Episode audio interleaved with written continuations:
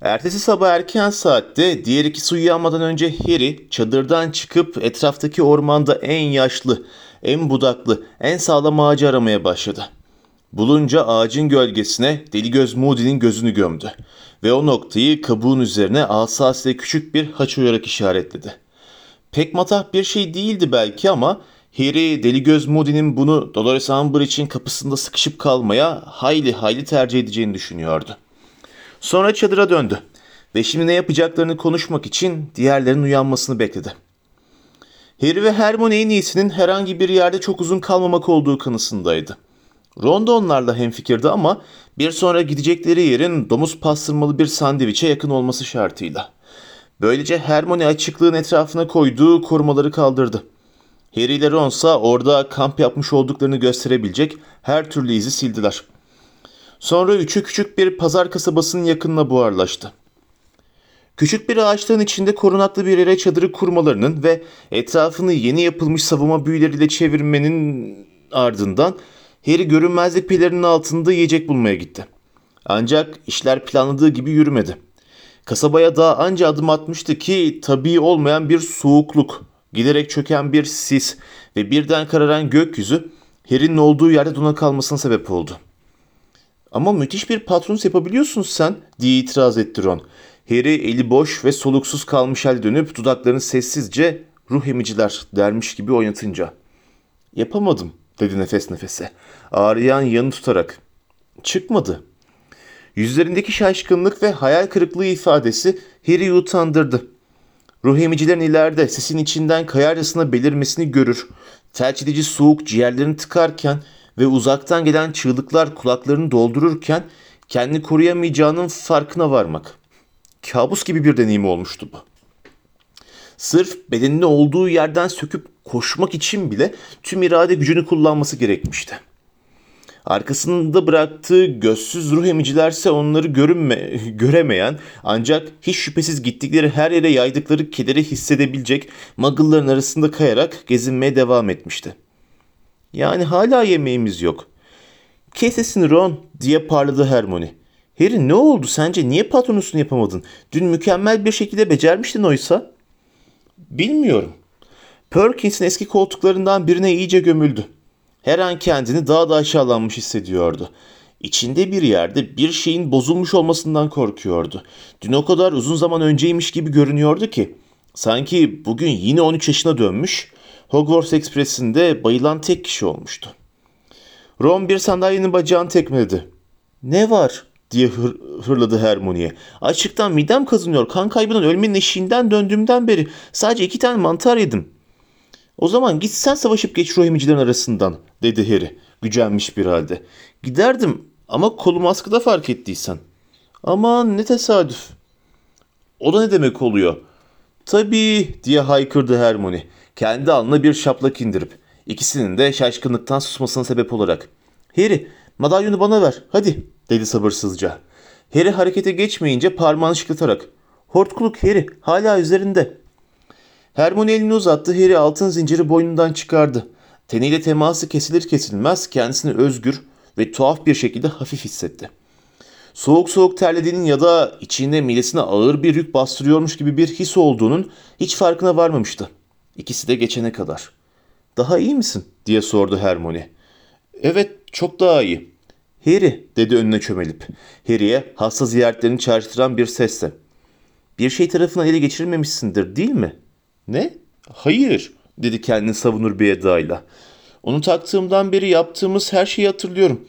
Bir şey tarafından ele geçirilmiş olsam ne yaptığımı bilmezdim değil mi? Cini bana hiçbir şey hatırlamadığı zamanlar olduğunu söylemişti. Hem diye düşündü Hermione. Başını öne eğip ağır madalyona bakarak.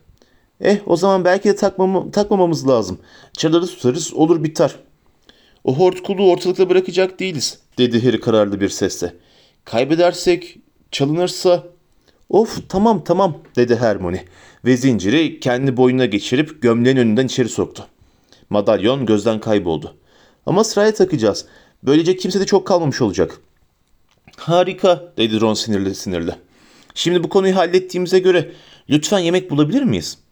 İyi ama Bulmak için başka yere gidelim dedi Hermione. Harry'e kaçamak bir bakış atarak. Ruh emicilerle dolu olduğunu bildiğimiz bir yerde kalmanın anlamı yok. Sonunda geceyi ıssız bir çiftliğe ait ücra bir tarlada geçirdiler ve çiftlikten yumurtayla ekmek almayı başardılar. Çalmak sayılmaz değil mi? diye sordu Hermione sıkıntılı bir sesle. Kızarmış ekmek üstüne çırpılmış yumurtalarını iştahla mideye indirirlerken. Ne de olsa kümese para bıraktım ha? Ron gözlerini devirip şiş yanaklarla konuştu. Hermione o ka- takılıyorsun kalana sakin ol. Hakikaten de doydukları zaman sakin olmaları çok daha kolaydı. O gece kahkahalar arasında ruh emiciler tartışması unutulmuştu ve üç gece nöbetin ilkini alırken Harry'nin neşesi yerindeydi. Hatta umutluydu. Dolu midenin yüksek moral, boş midenin ise didişme ve sıkıntı anlamına geldiği gerçeğiyle ilk yüz yüze gelişleriydi bu. Dursley'lerde neredeyse aşkın ölecek duruma geldiği dönemler olduğundan buna en az şaşıran Harry olmuştu. Börtlen ya da bayat bisküvi dışında bir şey bulamadıkları gecelerde Hermione fena dayanmıyordu. Belki biraz daha çabuk parlıyor ve suskunlukları inatçılaşıyordu. Ancak Ron her gün annesinin ya da Hogwarts ev cinlerinin önüne üç leziz öğün koymasına alışmıştı. Ve açlık onu hem mantıksız, mantıksızlaştırıyor hem de huysuzlaştırıyordu. Ne zaman yiyeceksizlik onun hortkulu takma sırasına denk gelse bayağı tatsız birine, birine dönüşüyordu. Ee şimdi nereye? di sürekli tekrarladığı nakarat. Göründüğü kadarıyla kendi aklına hiçbir şey gelmiyor ama o oturmuş yiyecek açlığı üzerine kara kara düşünürken Harry ile Hermione'nin plan yapmasını bekliyordu. Dolayısıyla da Harry ve Hermione diğer hortkulukları nasıl bulacaklarına ve hali hazırda ellerinde olanı nasıl yok edeceklerine karar vermeye çalıştıkları nafile saatler geçiriyorlardı. Ellerinde yeni bilgi olmadığından konuşmaları giderek daha da tekrar dönüşüyordu. Dumbledore Harry'e Voldemort'un hortkulukları kendisi için önemli yerlere sakladığını inandığını söylediği için Voldemort'un yaşadığını ya da gittiğini bildikleri yerleri bir ezber kasvetiyle tekrar ediyorlardı. Doğup büyüdüğü yetimhane, eğitim gördüğü Hogwarts, okulun ayrıldıktan sonra çalıştığı Borgin ve Burks, sonra sürgün yıllarını geçirdiği Arnavutluk, kurgularının temellerini buralar oluşturuyordu. Evet hadi Arnavutluğa gidelim. Koca bir ülkeyi aramak en fazla bir öğleden sonramızı alır ne de olsa, dedi Ron alaycı alaycı. Orada hiçbir şey olamaz. Sürgüne gitmeden önce hortkuluklarının beşini yapmıştı bile. Dumbledore da yılanın altıncı olduğuna emindi, dedi Hermione. Yılanın Arnavutluk'ta olmadığını biliyoruz. Genellikle Vol... Onu söylememenizi istememiş miydim sizden? Aman iyi. Yılan genellikle kim olduğunu bilirsin senle birlikte. Mutlu oldun mu şimdi? Pek sayılmaz. Virgin ve Burks'e bir şey saklayacağını düşünmüyorum, dedi Harry. Daha önce aynı fikri defalarca dile getirmişti ama asap bozucu sessizliği kırmak için bir kez daha söyledi. Borgin ve Burke karanlık nesneler üzerine uzmandı. Bir hortkuluğu anda tanırlardı. Ron abartılı bir hareketle esnedi. Onun kafasına bir şey fırlatmamak için kendini zor tutan Harry devam etti. Ben hala Hogwarts'ta bir şey saklanmış olabileceğini sanıyorum. Hermione iç geçirdi. Ama öyle olsa Dumbledore onu bulurdu Harry. Harry teorisini desteklemek için hep başvurduğu savı tekrar etti. Dumbledore hiçbir zaman Hogwarts'un tüm sırlarını bildiği hayaline kapılmadığını benim önümde söyledi. Diyorum size eğer bir yer varsa Vol... Hey! Kim olduğunu bilirsin sen o zaman diye bağırdı Harry. Artık tahammül noktasını aşarak. Kim olduğunu bilirsin senin için önemli tek yer varsa o da Hogwarts'tu. Of yapma diye alay etti Ron. Okulu mu yani? Evet okulu orası onun ilk yuvasıydı. Kendini özel hissettiği yerdi. Onun için çok anlamı vardı. Oradan ayrıldıktan sonra bile. Kim olduğunu bilirsin senden söz ediyoruz burada değil mi? Senden değil yani diye sordu Ron. Boynundaki hortkuluğun zincirini çekiştirip duruyordu. Birden Harry'nin içinde o zinciri alıp onu bu boğmaya yönelik bir arzu kabardı. Bize kim olduğunu bilirsin senin okuldan ayrıldıktan sonra Dumbledore'un iş istediğini söylemiştin dedi Hermione. Doğru diye onayladı Harry. Ve Dumbledore onun yeni bir hortkuluk yapmada kullanacağı bir şey, muhtemelen de yine bir kurucuya ait bir nesne bulmak için dönmek istediğini düşünüyordu, öyle değil mi? Evet, dedi Harry. Ama işe alamadı değil mi? dedi Hermione. O yüzden de orada bir kurucuya ait bir nesne bulup okulda bir yere saklayacak fırsatı olmadığı için. Tamam o zaman, dedi Harry pes ederek. Hogwarts'u unutun. Ellerinde başka bir ipucu olmadığından Londra'ya gittiler ve görünmezlik pelerinin altına saklanarak Voldemort'un büyüdüğü yetimhaneyi aradılar. Hermione bir kütüphaneye gizlice girdi ve kayıtlardan oranın yıllar önce yıkıldığını öğrendi. İhtimalin eskiden bulunduğu yere gittiklerinde orada ofislerle dolu yüksek bir bina buldular. Temelini kazmaya çalışabiliriz diye gönülsüz bir teklifte bulundu Hermione. Buraya bir hortkuluk saklamış olamaz dedi Harry. Baştan beri biliyordu. Yetimhane Voldemort'un kaçmaya kararlı olduğu bir yerdi. Ruhunun bir parçasını asla oraya saklamazdı. Dumbledore Harry'e Voldemort'un hortkuluk saklama yerlerinde bir ihtişam ya da gizem aradığını söylemişti. Londra'nın bu kasvetli gri köşesi, Hogwarts, bakanlık ya da altın kapıları ve mermer merdiveni ile büyücü bankası Gringotts gibi binalardan alabildiğine farklıydı. Akıllarına yeni fikir gelmeksizin kırsalda dolaşmaya, güvenlik için çadırı her gece başka bir yere kurmaya devam ettiler. Her sabah orada bulunduklarına dair her tür ipucunu ortadan kaldırdıktan sonra bir başka ıssız ve kuytu yer bulmaya gidiyorlardı.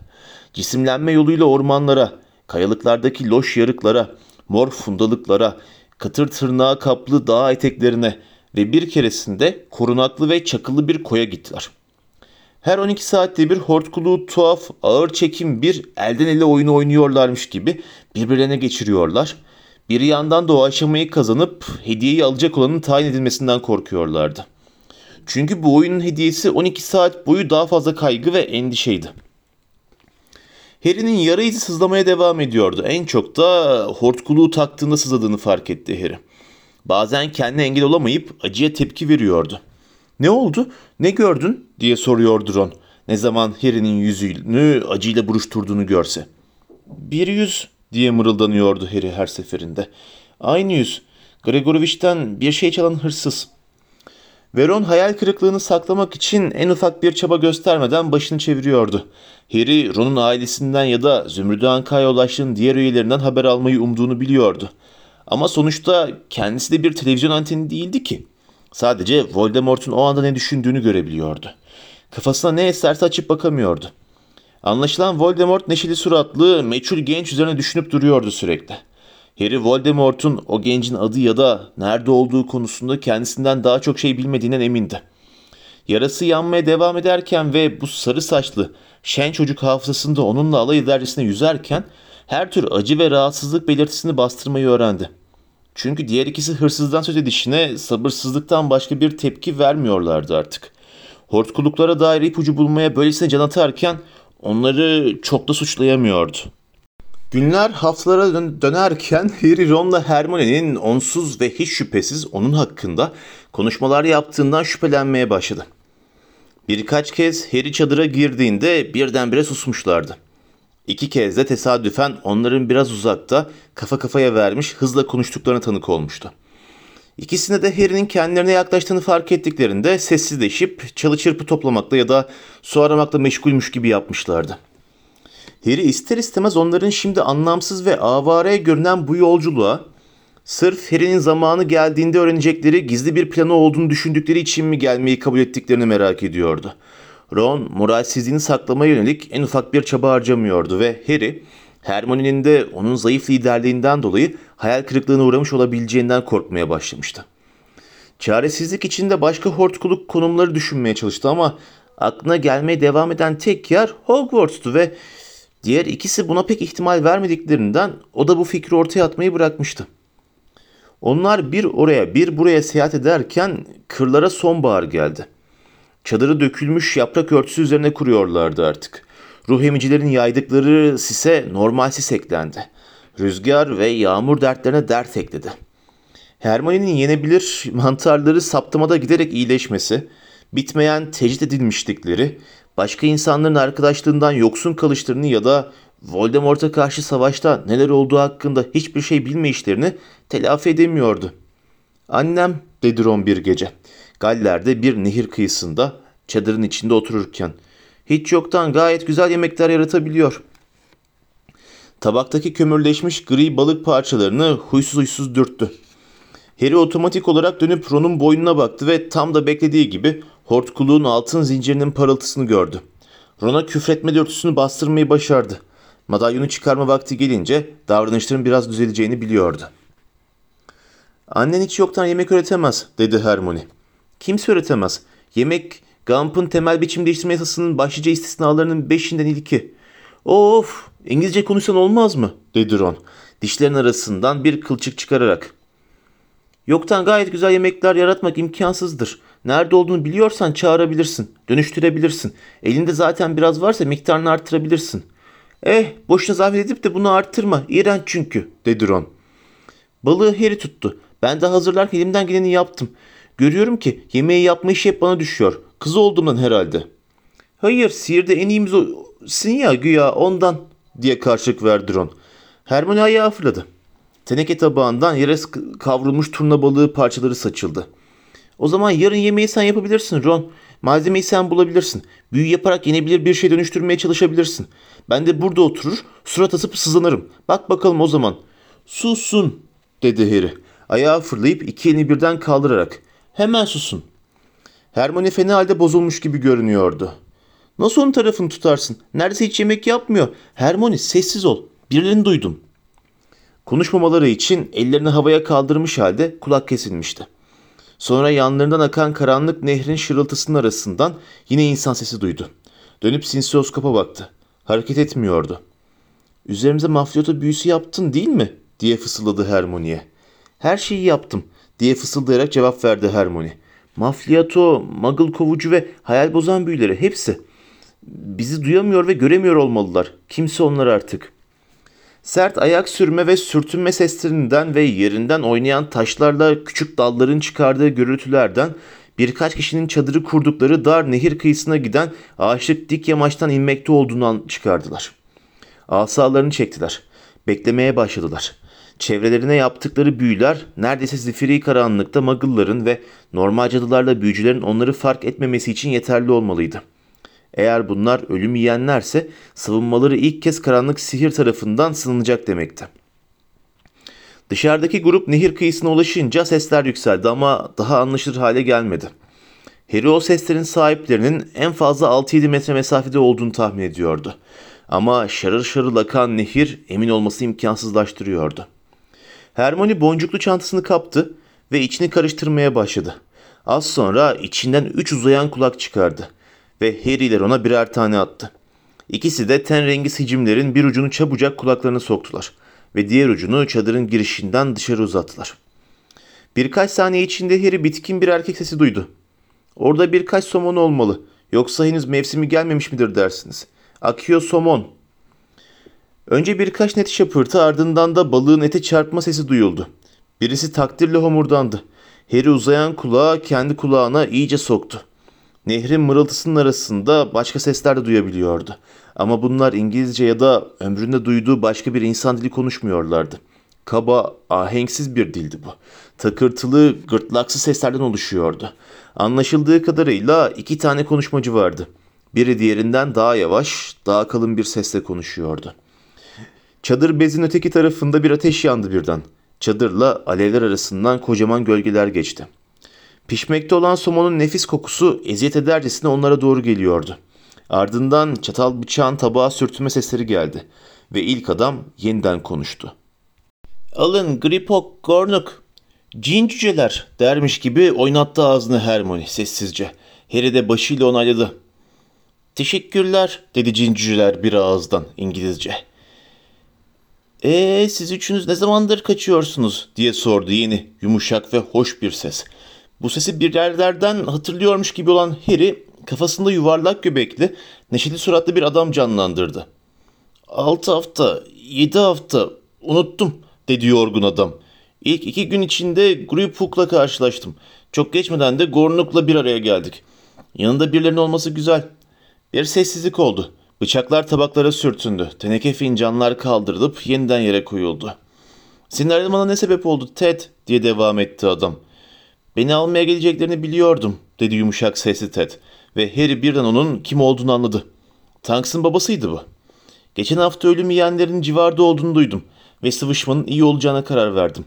Kendimi Muggle'lardan doğum olarak kaydettirmeyi prensip olarak reddetmiştim de o yüzden er ya da geç gitmem gerekeceğini biliyordum. Karımın başına bir şey gelmez herhalde. O safkan. Sonra burada gördüğünüz dinle karşılaştım işte. Ne zamandı evlat? Birkaç gün önce mi? Evet, dedi bir başka ses. Harry, Ron ve Hermione sessizce ama heyecandan kendilerinden geçmiş halde birbirlerine baktılar. Gryffindor'dan arkadaşları Dean Thomas'ın sesini tanımışlardı elbette. Muggle'lardan doğmasın ha? diye sordu ilk adam. Emin değilim dedi Dean. Babam annemi ben küçükken terk etti ama onun büyücü olduğuna dair elimde kanıt yok. Bir süre sustular. Hatır hutur yeme sesleri dışında bir şey duyulmuyordu. Sonra Ted yine konuştu. Sana rastladığımı, şaşırdığımı itiraf etmeliyim Dirk. Memnun oldum ama şaşırdım da.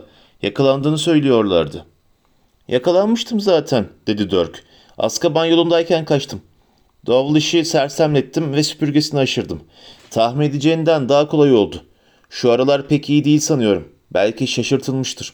Öyleyse bunu yapan cadının ya da büyücünün elini sıkmak istiyorum. Hayatımı kurtardı muhtemelen. Sadece ateş çıtırtılarının ve akan nehrin sesinin duyulduğu bir suskunluk daha oldu. Sonra Ted, ''Peki siz ikiniz nerede dahil oluyorsunuz bütün bunlara?'' dedi.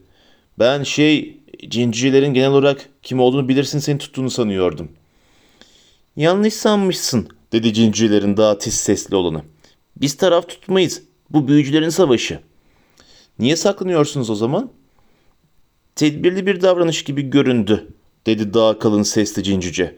Münasebetsiz bulduğum bir ricayı reddettiğimden kişisel güvenliğimin tehlikede olduğunu anladım. Ne yapmanı istediler senden? diye sordu Ted.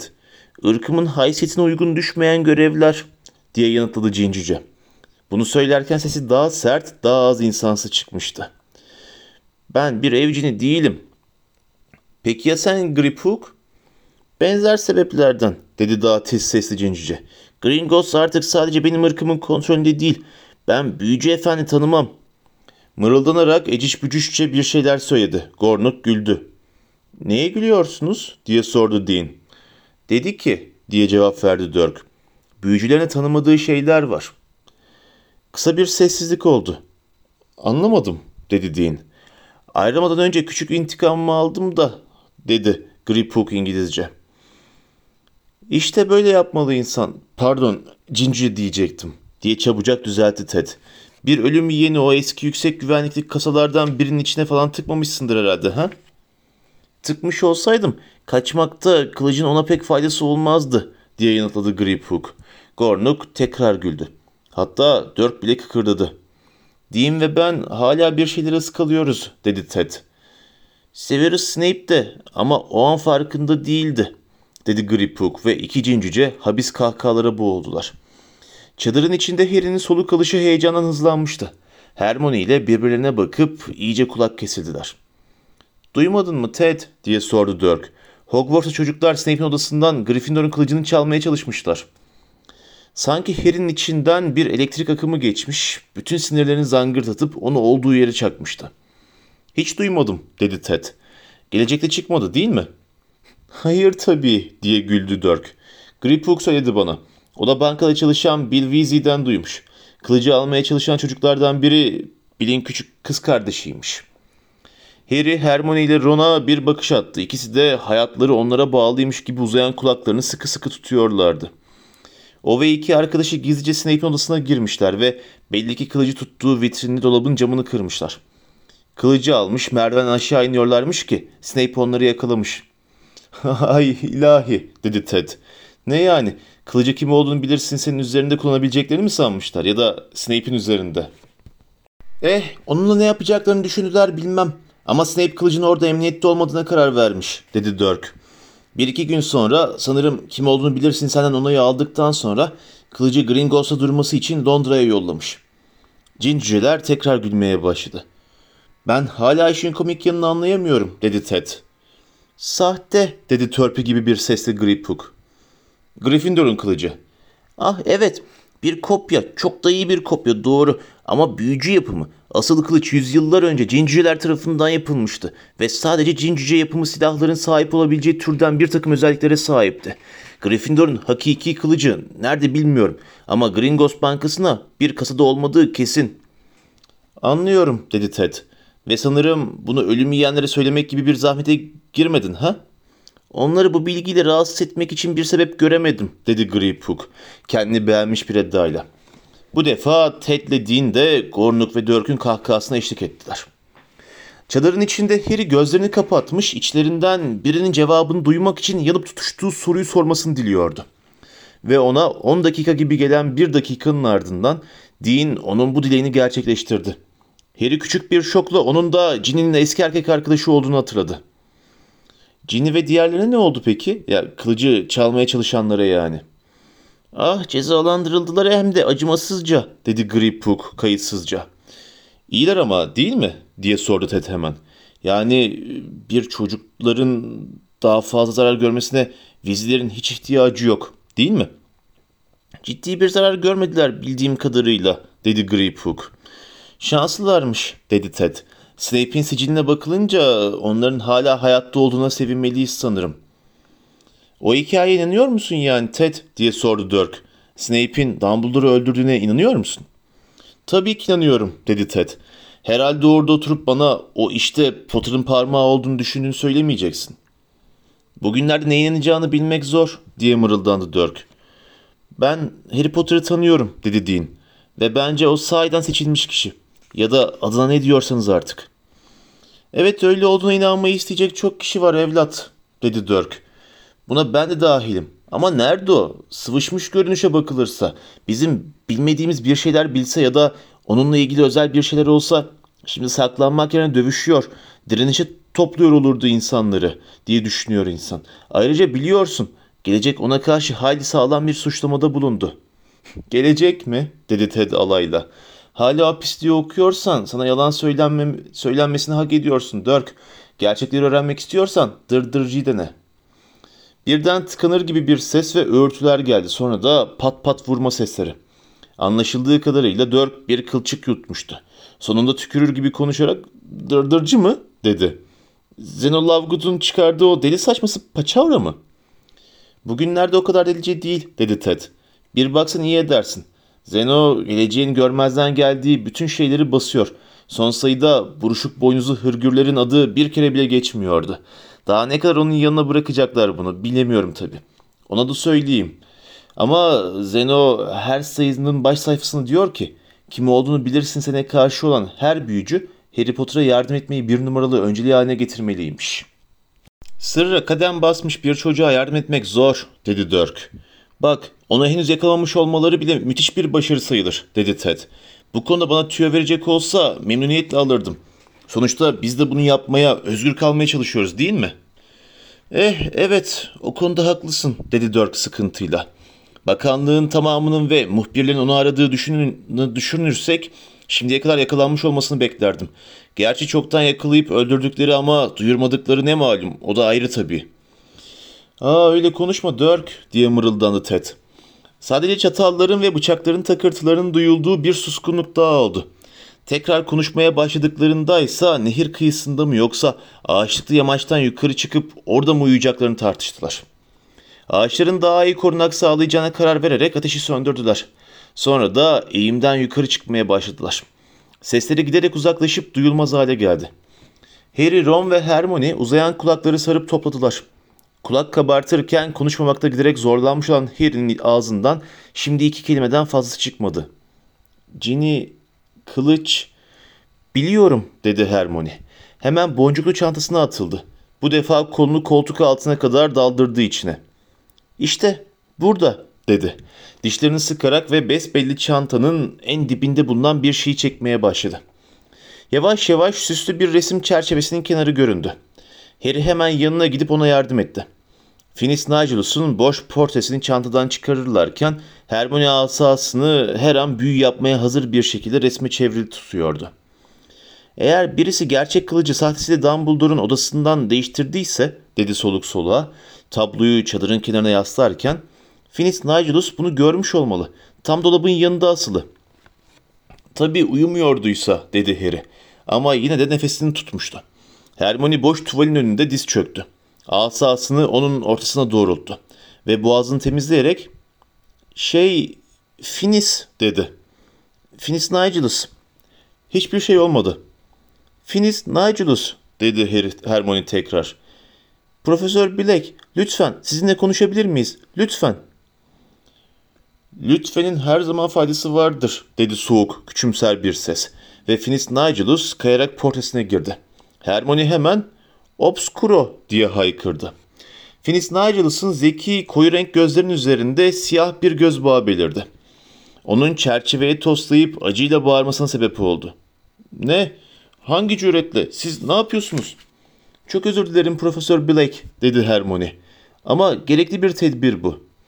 Bu iğrenç eklemeyi derhal kaldırın. Kaldırın diyorum. Büyük bir sanat eserini berbat ediyorsunuz. Neredeyim ben? Neler oluyor? Nerede olduğumuzu boş verin dedi Harry. Ve Finis Nigelus üzerine boyanmış göz bağını soyma çabalarını bırakıp olduğu yerde dondu kaldı. Acaba bu bir türlü ele geçirilemeyen Bay Potter'ın sesi olabilir mi? Belki dedi Harry.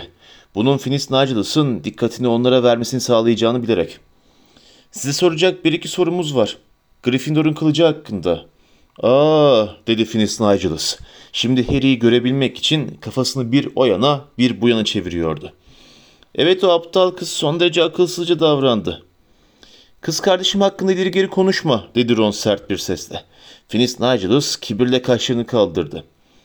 Başka kim var orada diye sordu. Kafasını sağa sola çevirerek. Sesinin tonu hoşuma gitmiyor. Kız ve arkadaşları son derece pervasızca davrandılar. Müdürden çalmak ha? Çalmıyorlardı ki dedi Harry. O kılıç Snape'e ait değil. Profesör Snape'in okuluna ait dedi Finis Nigelus. Weasley'lerin kızı onun üzerine ne gibi bir hak iddia edebilir ki? Cezasını hak etti. Tıpkı o Budala Longbottom ve Lovegood garabeti gibi. Neville burada değil, Luna da garabet değil dedi Hermione. Neredeyim diye tekrarladı Finis Nigelus. Yeniden göz bağıyla boğuşmaya başlayarak. Beni nereye getirdiniz? Niçin beni Ceddimin evinden çıkardınız? Şimdi boş verin onu. Snape, Ginny, Neville ve Luna'yı nasıl cezalandırdı diye sordu Harry aceleyle. Profesör Snape onları yasak ormana, o Hagrid Angut'u için çalışmaya gönderdi. Hagrid Angut değil dedi Hermione tiz bir sesle. Ve Snape bunun ceza olduğunu düşünebilir dedi Harry. Ama Ginny, Neville ve Luna herhalde Hagrid'le beraber epey gülmüşlerdir. Yasak orman ha? Yasak ormandan çok daha beter şeylerle, şeylerle karşılaştılar şimdiye kadar. Aman ne ceza. Rahatlamıştı. Kafasında en hafifi Cruciatus laneti olan dehşet verici şeyler kurmuştu. Asıl bilmek istediğimiz şey başka Profesör Black.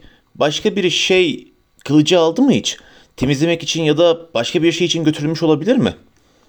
Finis Nigelus bir kez daha göz bağından kurtulma çabasına ara verip kıs kıs güldü. Mıgıl doğumlular dedi. Cinci yapımı silahların temizlenmesi gerekmez ahmak kız. Cincilerin gümüşü dünyevi kiri uzak tutar. Sadece ona güç veren şeyleri emer. Hermione ahmak demeyin dedi Harry. Bütün bu çatışmadan usanıyorum yavaş yavaş dedi Finis Nigelus. Belki de müdürün odasına dönmemin vakti gelmiştir değil mi? Hala gözleri bağlı bir halde el yordamıyla çerçevesinin kenarını bularak o resimden çıkıp Hogwarts'takine dönmeye çalışıyordu. Birden Harry'nin aklına bir fikir geldi. Dumbledore, bize Dumbledore'u getiremez misiniz? Pardon, dedi Finis Nigelus. Profesör Dumbledore'un portresi. Onu buraya sizinkinin içine getiremez misiniz? Finis Nigelus'un yüzü Harry'nin sesinin geldiği yöne döndü. Belli ki cahiller sadece muggle'lardan doğma olanlar değil Potter. Hogwarts'taki portreler bir araya toplanıp sohbet edebilir. Ama şatonun dışına sadece kendilerinin başka bir yerde asılı resimlerini ziyaret etmek için çıkabilirler. Dumbledore buraya benimle gelemez. Ve sizden gördüğüm bu muameleden sonra emin olun ki ben de tekrar ziyarette bulunmayacağım. Harry biraz yılgın bir halde Finis'in çerçevesinden çıkma çabalarını artırmasını izledi. Profesör Black dedi Hermione. Kılıcın en son ne zaman dolabından çıkarıldığını lütfen bize söyleyemez misiniz? Yani Ginny onu almadan önce demek istiyorum. Finis'ten sabırsızlık dolu bir homurtu yükseldi. Sanıyorum Gryffindor'un kılıcın dolabından çıktığı en son Profesör Dumbledore onu bir yüzüğü kırmak için kullandığını da gördüm. Hermione hızla dönüp Harry'e baktı. İkisi de Finis Nigelus'un önünde bir şey demeye cesaret edemiyorlardı. Bu arada Finis nihayet çıkışı bulmuştu. Eh size iyi geceler dedi biraz sinirli bir sesle ve çerçeveden çıkmaya hamle yaptı. Artık tabloda sadece şapkasının bir ucu görünüyordu. Ki Harry birden seslendi. Durun. Snape'e bunu gördüğünüzü söylediniz mi? Finis Nigelus gözü bağlı kafasını yeniden çerçeveden içeri uzattı. Profesör Snape'in kafasında Albus Dumbledore'un bitmek bilmez antikalarından daha çok önemli şeyler var. Hoşçakal Potter. Ve bunu dedikten sonra geride kasvetli bir fondan başka bir şey bırakmayarak gözden kayboldu. Harry diye haykırdı Hermione. Biliyorum diye bağırdı Harry. Kendini tutamayarak sevinçle yumruğunu salladı. Ummaya cesaret edebileceğinden de fazlasını öğrenmişti. Çadırın içinde bir aşağı bir yukarı dolaşmaya başladı. Kendini bir mil koşabilirmiş gibi hissediyordu. Artık açlık da hissetmiyordu. Hermione Finis Nigelus'un portresini tekrar boncuklu çantasının içine sokuyordu. Tokayı tutturduktan sonra çantayı kenara attı ve ışıl ışıl bir yüzle Harry'e baktı.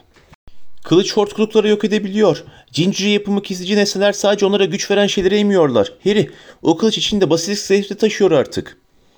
Ve Dumbledore kılıcı bana vermedi. Çünkü ona hala ihtiyacı vardı. Onu madalyonun üzerinde kullanmak istiyordu. Ve vasiyetine koyarsa onu senin almana izin vermeyeceklerini biliyordu e, herhalde. O yüzden de bir kopya yaptı. Ve sahtesini vitrinin dolaba koydu. Ve gerçeğini de nereye bıraktı? Birbirlerine baktılar.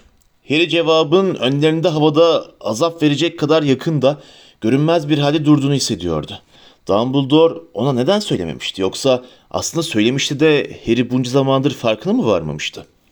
Düşün diye fısıldadı Hermione. Düşün nereye bırakırdı? Hogwarts'a değil dedi Harry. Yine volt atmaya başlayarak. Hogsmeade'de bir yere mi diye bir fikir attı ortaya Hermione. Bağıran baraka mı dedi Harry. Kimse oraya gitmiyor. Ama Snape oraya nasıl girileceğini biliyor. Biraz riskli olmaz mıydı bu? Dumbledore Snape'e güveniyordu diye hatırlattı Harry ona. Ama kılıcı sahtesi değiştirdiğini söyleyecek kadar değil dedi Hermione. Evet haklısın dedi Harry. Dumbledore'un içinde Snape'in güvenilirliği konusunda ne kadar az da olsa bir şüphe bulunduğu fikri onu daha da neşelendirdi. Ee, kılıcı Hogsmeade'den bayağı uzak bir yere mi saklardı o zaman? Ne diyorsun Ron? Ron? Harry dönüp baktı. Bir an şaşkınlık içinde Ron'un çadırdan çıkmış olduğunu sandı ama sonra onun alt ranzalardan birinde yüzünde duygusuz bir ifadeyle yatmakta olduğunu gördü. ''Aa demek beni hatırladınız ha?'' dedi. ''Ne?'' Ron üst ranzanın altından gözlerini ayırmadan bir homurtu koyuverdi. ''Devam edin siz. Ben eğlencenizi bozmayayım hiç.'' Harry afallamış halde aman bulmak için Hermione'ye döndü ama Hermione başını iki yana salladı. Besbelli o da hayret içindeydi. Sorun nedir? dedi Harry. Sorun mu? Sorun yok dedi Ron. Hala Harry'e bakmayı reddediyordu. En azından sana göre. Tepelerindeki çadır bezinden şıp şıp sesleri geldi. Yağmur başlamıştı. Eh belli ki senin bir sorunun var dedi Harry. Hadi çıkar baklayı ağzından tamam mı? Ron uzun bacaklarını yataktan aşağı sarkıtıp oturdu. Yüzünde hain bir ifade vardı. Her zamanki haline hiç benzemiyordu. Peki çıkarayım baklayı ağzımdan. Bulmamız gereken bir tane daha lanet şey çıktı diye çadırın içinde koşup havaları sıçramamı bekleme. Onu da bilmediğin şeyler listesine ekle. Olsun bitsin. Bilmediğim mi? dedi Harry. Benim bilmediğim mi? Şıp şıp şıp yağmur hızlanmış, daha şiddetli yağmaya başlamıştı.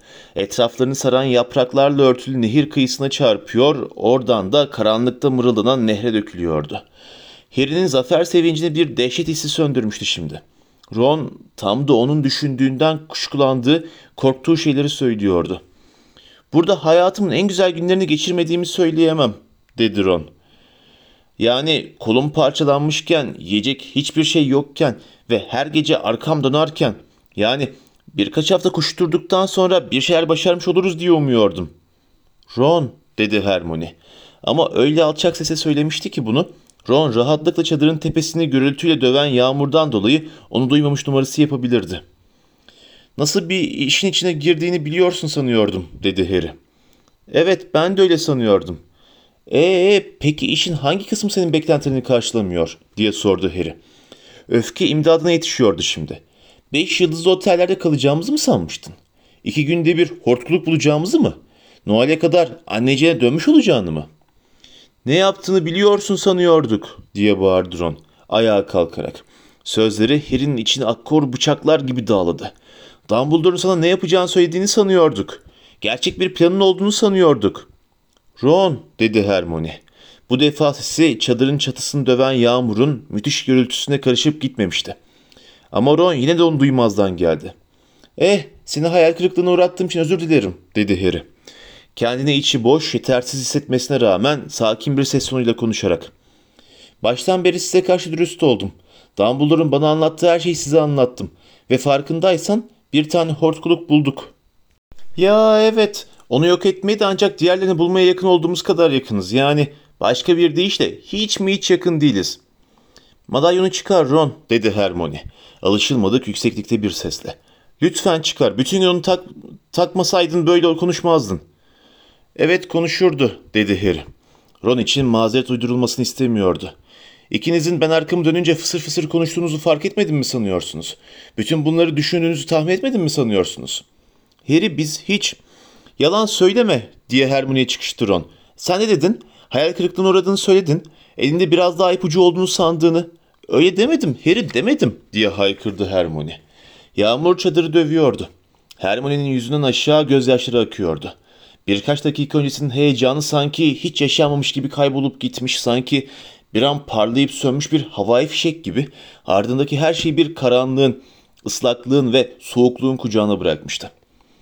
Gryffindor'un kılıcı bilmedikleri bir yerde saklıydı ve onlar tek başarıları henüz ölmemiş olmaktan ibaret üç yeni yetmeydi. ''Ee niye buradasın hala o zaman?'' diye sordu Harry Ron'a. ''Biliyorsam ne olayım?'' dedi Ron. ''Eve git o zaman'' dedi Harry. ''Evet ya belki de giderim'' diye bağırdı Ron Harry'e ve Harry'e doğru birkaç adım attı.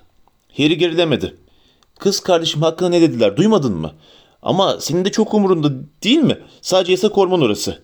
Harry daha beterini gördüm. Potter ona orada ne olacağını aldırmıyor. Eh ama ben aldırıyorum tamam mı? Dev örümcekler ve çatlak çatlak şeyler. Ben sadece diyordum ki yanında diğerleri vardı. Hagrid'le birliktelerdi. Evet anlıyorum. Aldırmıyorsun. Peki ailemin geri kalanı? Bir çocuğunun da zarar görmesine Weasley'lerin hiç ihtiyacı yok. Duydun mu onu? Evet ben ne anlama geldiğini düşünme zahmetine katlanmadın ha? Ron diye araya girdi Hermione. Yeni bir şey olduğu anlamına geldiğini sanmıyorum. Düşünsene bir. Ron, Bill zaten yaralanmıştı. Şimdiye kadar birçok insan George'un bir kulağını kaybettiğini görmüş olmalı. Seni de sıva serpilden yatak döşek yatıyor sanıyorlar. Eminim kastettiği buydu. Ya eminsin öyle mi? E iyi kafamı hiç onlara takmayayım öyleyse. Nasılsa ikiniz için sorun yok değil mi? Anneniz babanız güvende. Benim annemle babam ölü diye bağırdı Harry. Benimkilerin de sonu aynı olabilir diye bağırdı Ron. O zaman git diye bağırdı Harry. Onlara geri dön. Sıva Serpil'in iyileşmiş gibi yap. Anneciğin seni beslesin ve... Ron ani bir hamle yaptı. Harry de hemen harekete geçti ama daha ikisinin asası sahibinin cebinden çıkmadan Hermione kendisininkini kaldırmıştı bile. Protego diye bağırdı. Bir tarafta kendisiyle Harry, öbür tarafta Ron arasında görünmez bir kalkan oluşup genişledi. Büyünün gücüyle üçü de birkaç adım gerilemek zorunda kaldılar. Harry ile Ron saydam engelin iki tarafından öfkeyle birbirlerini ilk kez net bir şekilde görüyormuş gibi bakıyordu. Harry Ron'a karşı içini kemiren bir nefret duydu. Aralarında bir şey kopmuştu. Hortkuluğu bırak dedi Harry. Ron zincir tuttuğu gibi çekip kafasının üstünden çıkardı ve madalyonu yakındaki bir koltuğun üzerine attı. Hermione'ye döndü. Sen ne yapıyorsun? Nasıl yani? Kalıyor musun nedir? Ben acı çekiyormuş gibi görünüyordu. Evet, evet kalıyorum. Ron, Harry ile gideceğimizi söylemiştik. Yardım edeceğimizi söylemiştik. Anlıyorsun, onu seçiyorsun. Ron, hayır. Lütfen geri dön. Geri dön. Kendi kalkan büyüsü engelledi Hermione'yi. Onu kaldırdığında Ron çoktan öfkeli uzaklaşıp gecenin karanlığına karışmıştı bile. Harry hiç kıpırdamadan ve sesini çıkarmadan öylece durdu. Ağaçların arasında Hermione'nin hıçkırı hıçkırı ağlayarak Ron'a seslenmesini dinledi. Hermione birkaç dakika sonra sırılsıklam saçları yüzüne yapışmış halde döndü. G- gitti. Buharlaştı. Kendi bir koltuğa attı. Dizlerini karnına çekti ve ağlamaya başladı. Harry sersem gibiydi. Eğildi. Hortkuluğu aldı ve boynuna geçirdi. Ron'un rantasından battaniyeleri çekip Hermione'nin üstüne attı. Sonra kendi yatağına tırmandı ve gözlerini çadırın karanlık çatısına dikerek yağmurun sesini dinledi.